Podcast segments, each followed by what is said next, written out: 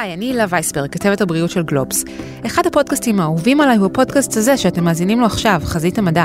שמעתי שבינתיים צוות הפודקאסטים של גלובס עובד על עונה חדשה שתעלה ממש בקרוב, ואפילו מקליטים פרק בשידור חי. רוצים לבוא להשתתף בהקלטת הפרק? יום שלישי, 19 בנובמבר, בקאנטרי קלאב דיזנגוף סנטר תל אביב, פתיחת דלתות ב-7 ותחילת הראיון ב-7.45. משקה ראשון חינם. מוזמנים להירשם בכתובת globes.co.il/מדע. בינתיים מוזמנים להאזין מחדש לפרק שהכי אהבתם בעונה הראשונה, הכל בראש, מה קורה לנו במוח, ששודר לראשונה ב-28 במרס. האזנה נעימה. תגידו, מתי בפעם האחרונה למדתם לעשות משהו חדש? משהו שלא עשיתם קודם, משהו שתמיד חלמתם לעשות, אבל פשוט חשבתם שזה כבר מאוחר מדי בשבילכם. לרקוד, לשיר, לצייר, יכול להיות שלא פספסתם את חלון ההזדמנויות. היי, אני גלי ויינרב, כתבת מדעי החיים של גלובס, ואתם מאזינים לפרק השלישי של חזית המדע, סיפורים מפתיעים על הטבע שלנו. הפעם נשאל את עצמנו, האם אנחנו מנצלים את מלוא היכולת של המוח שלנו? ספוילר, התשובה היא לא. ממש לא. כדי להבין את המוח, נכיר את פרופסור מייקל מרזניץ' מאוניברסיטת קליפורניה. מרזניץ' הוא חוקר מוח אמריקאי, שנחשב לאחד החוקרים הבכירים בתחום, ומבטיח לנו שהמוח שלנו יכול להיות הרבה יותר גמיש ממה שאנחנו חושבים. הוא טוען שאנחנו יכולים ללמוד מיומנויות חדשות, להירפא מדפוסי חשיבה בעייתיים, ואפילו ממחלות נפש, וגם לשמור על תפקוד בריא של המוח. הוא נחשב לאחד מבכירי החוקרים בתחום שזכה לשם המעודד, המוח הגמיש.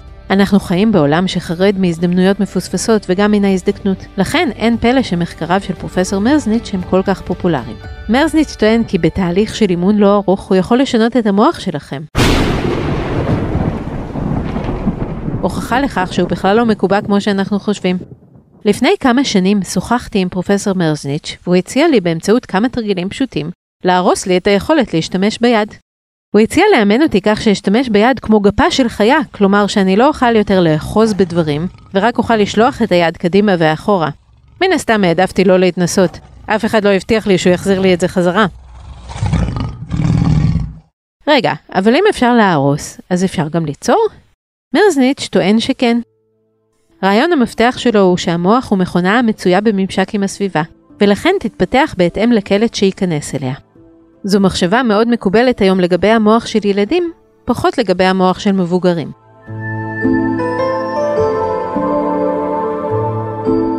אם ככה, אז מה יקרה אם נתייחס למבוגר כמו לילד? כלומר, ננסה ללמד אותו כל הזמן לא רק מידע חדש, אלא גם מיומנויות חדשות. כבר היום אם תשאלו מומחים איך לשמור על מוח חד, הם יאמרו, נסו ללמוד דבר חדש, עדיף מיומנות חדשה. למשל, אם אתם משחקים היום גולף, תנסו ללמוד גם לסרוג. מחקריו של מרזניץ' מאשרים את זה, אבל הוא מוסיף, אל תלמדו לסרוג כתחביב. תלמדו לסרוג ממש כאילו אתם עומדים להפוך לסורגים הכי טובים שאתם יכולים להיות. תלמדו לסרוג עם התקווה וההתלהבות של גיל צעיר. כאילו אולי תתפרנסו מכך, כאילו אתם מתכוונים לכסות את כל הבית בסריגה וזה יהיה סימן ההיכר שלכם. כאילו שאתם מתכוונים לכבוש את ליבו של בן זוג חדש באמצעות סריגה. אבל ההתלהבות היא הרעיון הבסיסי. אם זה חשוב לאגו שלכם, גם המוח ייקח את זה לתשומת ליבו. כשאנחנו לומדים משימה חדשה, אומר מרזניץ', הדבר נעשה בכמה שלבים. בשלב הראשון, המשימה גורמת להמון פעילות בשטח גדול של המוח. אחרי כמה זמן יש רגיעה, תאי העצב ששימשו לביצוע המשימה נקשרו זה לזה בצורה מדויקת ויעילה יותר. אם נסתכל על אותו אדם מבחוץ, נראה אותו מתאמץ פחות על המשימה, ועושה אותה באופן שנראה יותר אוטומטי. אם זו משימה פיזית, נראה בתנועות שלו יותר עדינות ודיוק. לאחר שמשימה נלמדה היטב, מעט תאי העצב עומדים בסנכרון מושלם, מהר וביעילות, ולא יוצרים רעש גדול בתוך המוח. התוצאה היא שהם גם לא מפריעים לפעולה של יכולות אחרות.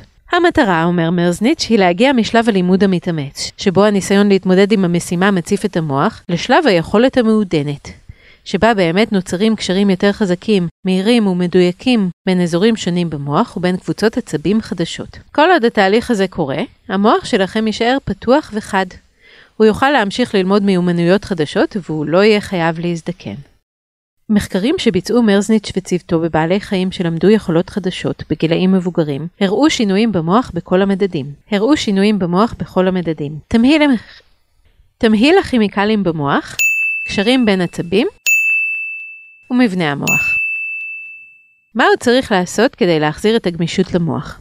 מרזניץ' שוב מציע הצעה שאולי נשמעת כמו קלישאה, אבל אצלו היא מגובה במחקרים. הוא מציע לנו לשוב ולחוות את העולם כמו ילדים. לצערנו, הוא אומר, אנחנו מכירים כל כך טוב את העולם סביבנו, שאנחנו יכולים להתמודד איתו גם מתוך מעין חלום בהקיץ, וזה לא כל כך טוב. ככל שאנחנו מתבגרים, אנחנו מאבדים תאי מוח.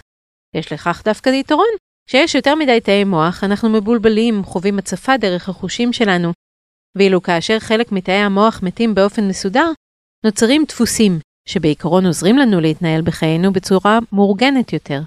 התהליך הזה הוא חלק בלתי נפרד מלמידה, אך לעיתים בגיל מבוגר יותר, אנחנו מתקבעים בדפוסים שכבר קשה לנו מדי לסטות מהם. ברור לנו שלא היינו רוצים לחזור למצב שבו אנחנו לא מסוגלים ללכת או לקבל החלטות מסוימות באופן אוטומטי וללא מחשבה, אבל צריך איזו דרך ביניים כלשהי.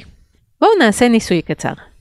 אתם בטח עכשיו מאזינים לנו ברכב בדרך לעבודה, או במטבח בזמן טיגון שניצלים. אם אתם באוטו תנסו לשים לב לפרטי הנסיעה, כאילו תצטרכו לדווח עליה למישהו. או כאילו אתם משחקים במשחק מצא את ההבדלים לעומת אתמול. אם אתם מטגנים שניצל, תנסו לשים לב לפרטי השמן הרותח. אלו בעצם פעולות שעשיתם המון פעמים, אבל אתם צריכים לחפש את ההפתעות. הן תמיד שם, אם מחפשים אותן. המוח שלכם צריך הפתעות, הוא צמא להן. הערנות הזאת להפתעות מחדדת את החושים. ואם כבר חושים, העצה השלישית היא לחדד אותם במובן הכי פרקטי שאפשר. להרכיב משקפיים אם צריך, להשתמש במכשירי שמיעה, לאמץ את החושים שלנו, וגם לדאוג שהמסכים שלנו ומכשירי השמע שלנו חדים וברורים.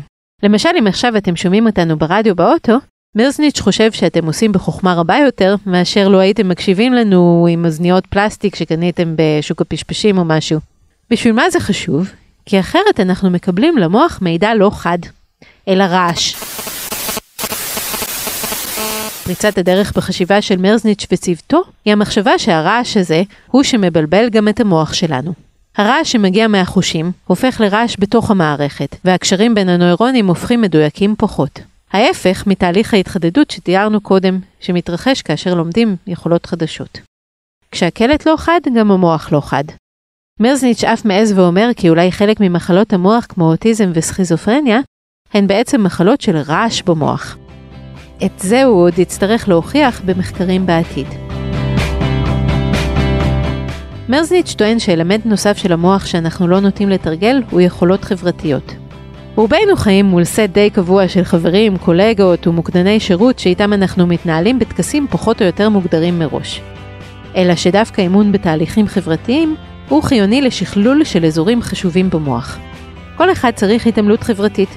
הימנעות מהעולם היא רעילה ביותר למוח, חפשו את ההנאה מחיים חברתיים, חפשו אינטראקציות חברתיות חיוביות וחדשות.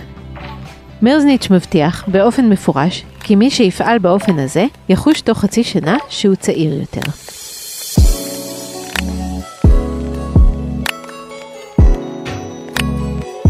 מה לגבי התעמלות ותזונה? אתם יודעים, התפיסה של מוח בריא בגוף בריא. למרבה ההפתעה, מרזניץ' טוען שזה פשוט טיפשי. אם לא נתעמל ולא נאכל נכון באופן קיצוני, יכול להיות שהמוח ייפגע קלות, זה בסדר. אבל לשפר את המוח על ידי ריצה? שטויות. הרי מחזקים את המוח על ידי שימוש במוח. מרזניץ' אומר, את לא מחזקת את שרירי הבטן על ידי שימוש במוח, אז לא תחזקי את המוח על ידי שימוש בבטן. בעצם כשאנחנו מתעמלים או נוטלים תרופות, כאילו אנחנו מנסים לשפר את הביצועים של מחשב על ידי קירור החדר או החלפת המאוורר. זה נכון רק אם הסיבה שהמחשב לא פועל נכון, היא אכן כי הוא התחמם מדי, אבל ברוב המקרים הבעיה היא של תוכנה. התעמלות ותרופות הן פעולות על החומרה של המוח. הפעולה המקבילה לתכנות מחדש של המוח היא לעבור חוויות חדשות. מה אתם אומרים? אני בטוחה שעשיתי לכם קצת חשק לאתגר את המוח ולהרוויח עוד כמה שנים של חיים טובים ומאושרים, שבהם תוכלו לשמוע עוד הרבה סיפורים מפתיעים על הטבע שלנו. מוזמנים לכתוב לנו אם התמדתם והצלחתם. אנחנו מסיימים עוד פרק. עד שניפגש שוב, חפשו אותנו באתר גלובס, בפייסבוק, באינסטגרם ובאפליקציות הפודקאסטים השונות. דרגו אותנו באפל פודקאסט. תודה לעורך הפודקאסטים של גלובס, רון טוביה. אני גלי ויינרב. ביי.